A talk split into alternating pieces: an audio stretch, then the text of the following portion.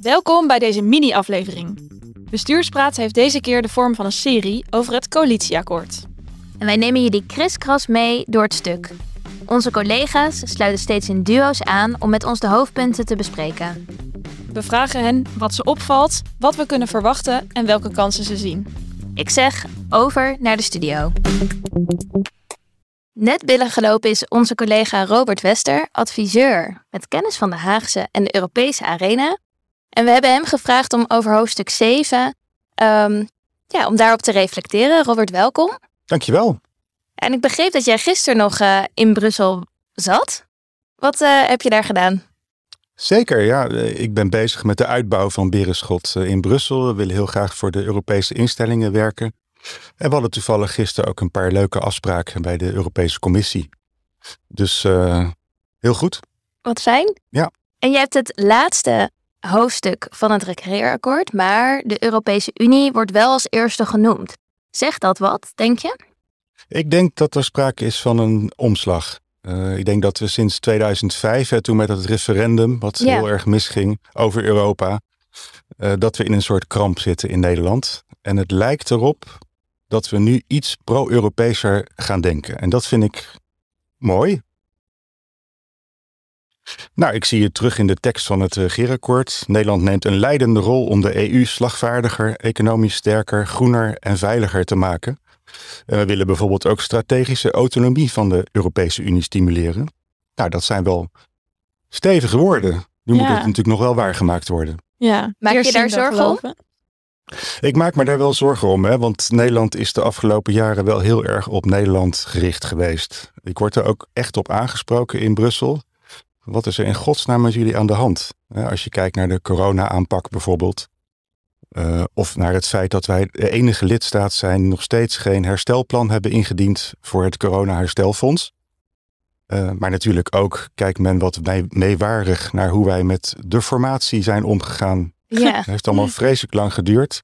Ondertussen waren er in Duitsland verkiezingen en binnen twee maanden staat er een compleet frisse nieuwe ploeg. Ja, uh, dat was een beetje gênant voor ons. Ja, en, en ook inhoudelijk, denk ik, uh, is dat heel interessant. Hè? Uh, de Duitse uh, coalitie is echt heel pro-Europees. Ze pleiten zelfs voor een federaal Europa. Ehm, ze stonden ook aan de wieg van het corona-herstelfonds van 750 miljard. Wat echt ook wel betekent dat Europa steeds meer gaat betekenen de komende jaren. En Nederland heeft een beetje die afslag gemist de afgelopen periode. En hoe komt dat, denk je? Hoe zou je dat kunnen verklaren? Nou ja, dat, dat heeft heel erg te maken met de gepolariseerde omstandigheden in Nederland zelf. Het Europa-debat uh, is gedomineerd geweest door partijen die eigenlijk vinden dat we niks meer met Europa zouden moeten doen. We zouden eigenlijk zelfs moeten uittreden. Uh, en de middenpartijen, die nu natuurlijk ook weer de coalitie vormen, uh, hebben daar niet echt een antwoord op geformuleerd. Het valt mij wel op dat bijvoorbeeld premier Rutte in het buitenland hele mooie pro-Europese toespraken houdt. En dan heeft hij het bijvoorbeeld over het stimuleren van de Europese waardegemeenschap. En ook Wopke Hoekstra, toen hij nog minister van Financiën was, uh, heeft een hele pro-Europese toespraak gehouden op de Humboldt Universiteit in Berlijn. Maar ja, als je dan kijkt naar de daden van de beide heren in, het, in de afgelopen periode, ja, dan waren wij toch echt de aanvoerder van de vrekkige vier uh, of de vrekkige zeven. In elk geval uh, een kopgroep van landen die vinden dat we heel weinig geld aan Europa moeten besteden. En het omgekeerde is gebeurd. Er is absoluut heel veel meer geld. En uh, ik denk ook dat uh, Europa heel slim gebruik heeft gemaakt van de coronacrisis. die 750 miljard extra bovenop het meerjarig financieel kader. Uh, met investeringen die vooral ook gericht zijn op dingen die al in de agenda van de Europese Commissie stonden. Hè. Denk aan de Green Deal, waar Frans Timmermans natuurlijk uh, leiding aan geeft. Um, maar ook aan digitalisering. Hè. Dat zijn twee dingen waarop sterk wordt gelet in, uh, in, het uitgaven, in de uitgaven die uh, gericht zijn op coronaherstelfonds.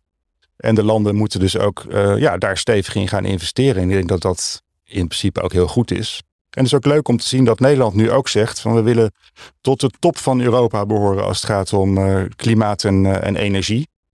We willen zelfs een hogere opgave, hè? niet 55% maar zelfs 60% Ja, we willen in de kopgroep, staat in het regeerakkoord. We willen echt vooraanstaand klimaatbeleid voeren, maar we moeten wel van ver komen. Het zijn mooie woorden, uh, maar we moeten het ook nog waarmaken. Hè? Dus uh, wat mij betreft is het glas half vol. Ik vind het echt positief dat we nu pro-Europeeser zijn. En niet uit een soort naïef geloof van dat Europa nou zo vreselijk interessant en leuk is. Maar het is gewoon echt nodig. Kijk naar de wereld om ons heen. De Amerikanen die zich langzaam terugtrekken, die ons niet hebben betrokken bij uh, Afghanistan bijvoorbeeld. Kijk naar China dat steeds machtiger wordt. Kijk naar alle ellende in de Oekraïne en ook in de regio rondom de Europese Unie. Wij zullen echt um, ja, meer samen moeten gaan werken om daar een beetje een rol in te kunnen spelen. Ja, en is dat wat jou betreft, want je begon met die omslag, hè, van we, worden steeds pro-Europeeser. Is, is dit wat jou betreft ook uh, waarom die omslag nu plaatsvindt? Dat, dat onze ogen steeds meer open gaan en dat we steeds meer voelen hoe belangrijk dat is? Nou, ik mag hopen dat, uh, dat dat onderdeel van de analyse is. Hè. Ik, ik constateer dat we de afgelopen jaren um, weinig uh, geïnvesteerd hebben in Europa. En echt op de rem hebben proberen te staan. Ook uh, toen de nood echt hoog was rondom de, de coronacrisis. Dus in die zin is het wel interessant om te zien hoe Wopke Hoekstra wordt ontvangen, bijvoorbeeld in, in Italië en Spanje. Ze herinneren hem toch wel echt als, als iemand die op de rem stond toen daar nou ja, uh, vreselijke dingen gebeurden. Dus we moeten dat, moeten dat zien. Maar ik, ik vind het positief dat er nu dat Europa steeds meer terugkomt, ook op de verschillende beleidsonderdelen. Zelfs op het gebied van zorg, wat natuurlijk een nationale competentie is, wordt nu gezegd het is van belang om te gaan inzetten op een Europese inzet. Bijvoorbeeld op het gebied van geneesmiddelen nou ja, en het borgen van de publieke belangen. Dus ik denk dat nou ja, Nederland misschien nu ook het licht heeft gezien. We gaan weer, uh, en we willen zelfs koploper worden in Europa op een aantal van die deelterreinen. Dus ik denk dat dat positief is. Ja, er staat ook, uh, we spannen ons in om besluitvorming in de EU transparanter, transparanter te maken voor burgers en nationale parlementen.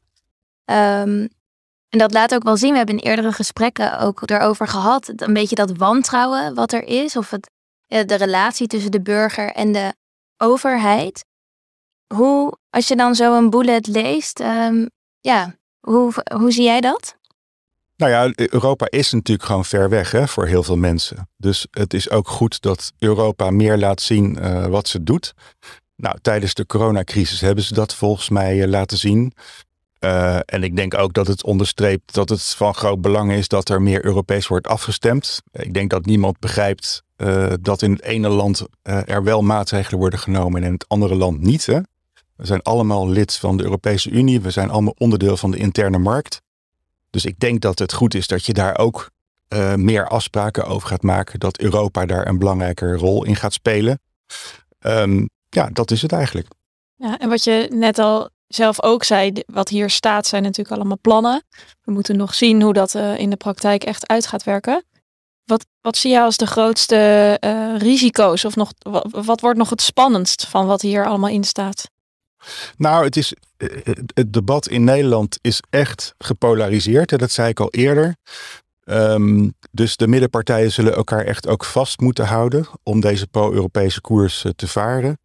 En jullie vroegen net ook hè, van Europa zou transparanter moeten zijn. Ik denk ook echt dat het belangrijk is dat de Nederlandse uh, regering ook echt laat zien wat het belang is van Europa. En daar ook echt achter gaat staan. In plaats van in Nederland steeds zeggen van ja, het kost allemaal heel veel geld. En we moeten daar een beetje voorzichtig mee zijn.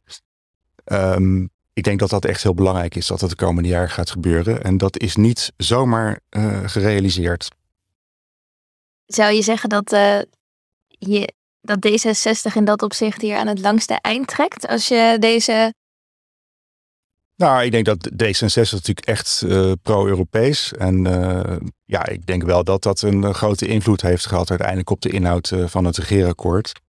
Um, maar zoals gezegd, ook Rutte en, en Hoekstra hebben wel in het buitenland pro-Europese verhalen gehouden. En zij zien natuurlijk ook wel in, Zeker met het vertrek van de Engelsen. Hè, dus de Britten zijn natuurlijk niet meer onderdeel van de, van de Europese Unie. Ja, wij moeten ons herpositioneren. We zullen meer samen moeten gaan werken met de Duitsers en de Fransen. Ehm, dus dat zien zij ook wel. Ja, het is ook wel interessant wat jij zegt over eigenlijk twee verschillende gezichten laten zien. Hè? Een, een extern, een, een pro-Europees gezicht laten zien. En toch intern in, in Nederland dat minder laten zien. En uh, dat, ja. Ja, dat heeft gewoon echt heel erg te maken met uh, de Nederlandse situatie. Met 19 fracties uh, in de Tweede Kamer waarvan zeker de helft eh, heel kritisch is eh, ten opzichte van eh, Europa. Dus het is ook best ingewikkeld. daarom denk ik dat het goed is dat in het regeerakkoord ook wordt aangegeven van wij zijn geen eiland, we zijn echt onderdeel van de Europese Unie. We zien ook de gevaren om ons heen. We moeten meer gaan samenwerken. En ik zou nu hopen dat, dat dat ook echt wordt uitgedragen, ook, ook in Nederland. Hè? Want ik denk dat je de Nederlander er best wel van kan overtuigen dat het van belang is om eh, te investeren in, eh, in Europa. In plaats van alleen maar te roepen van het kost, uh, kost geld. Ja. En in dat verharde debat met echt een heel erg pro-Europa kamp en heel erg anti-Europa kamp. Wat, wat hoop jij dat er over vier jaar is gebeurd in dat debat, waar, waar we dan staan?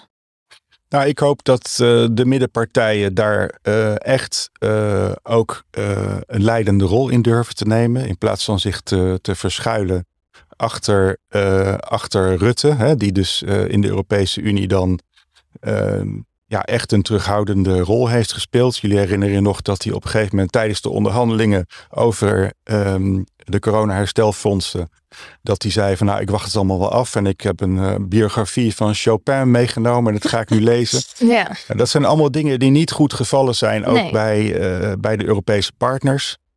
Um, we lezen nu dat we, dat we in kopgroepen willen zitten op tal van onderwerpen. Digitalisering, uh, vergroening, noem maar op.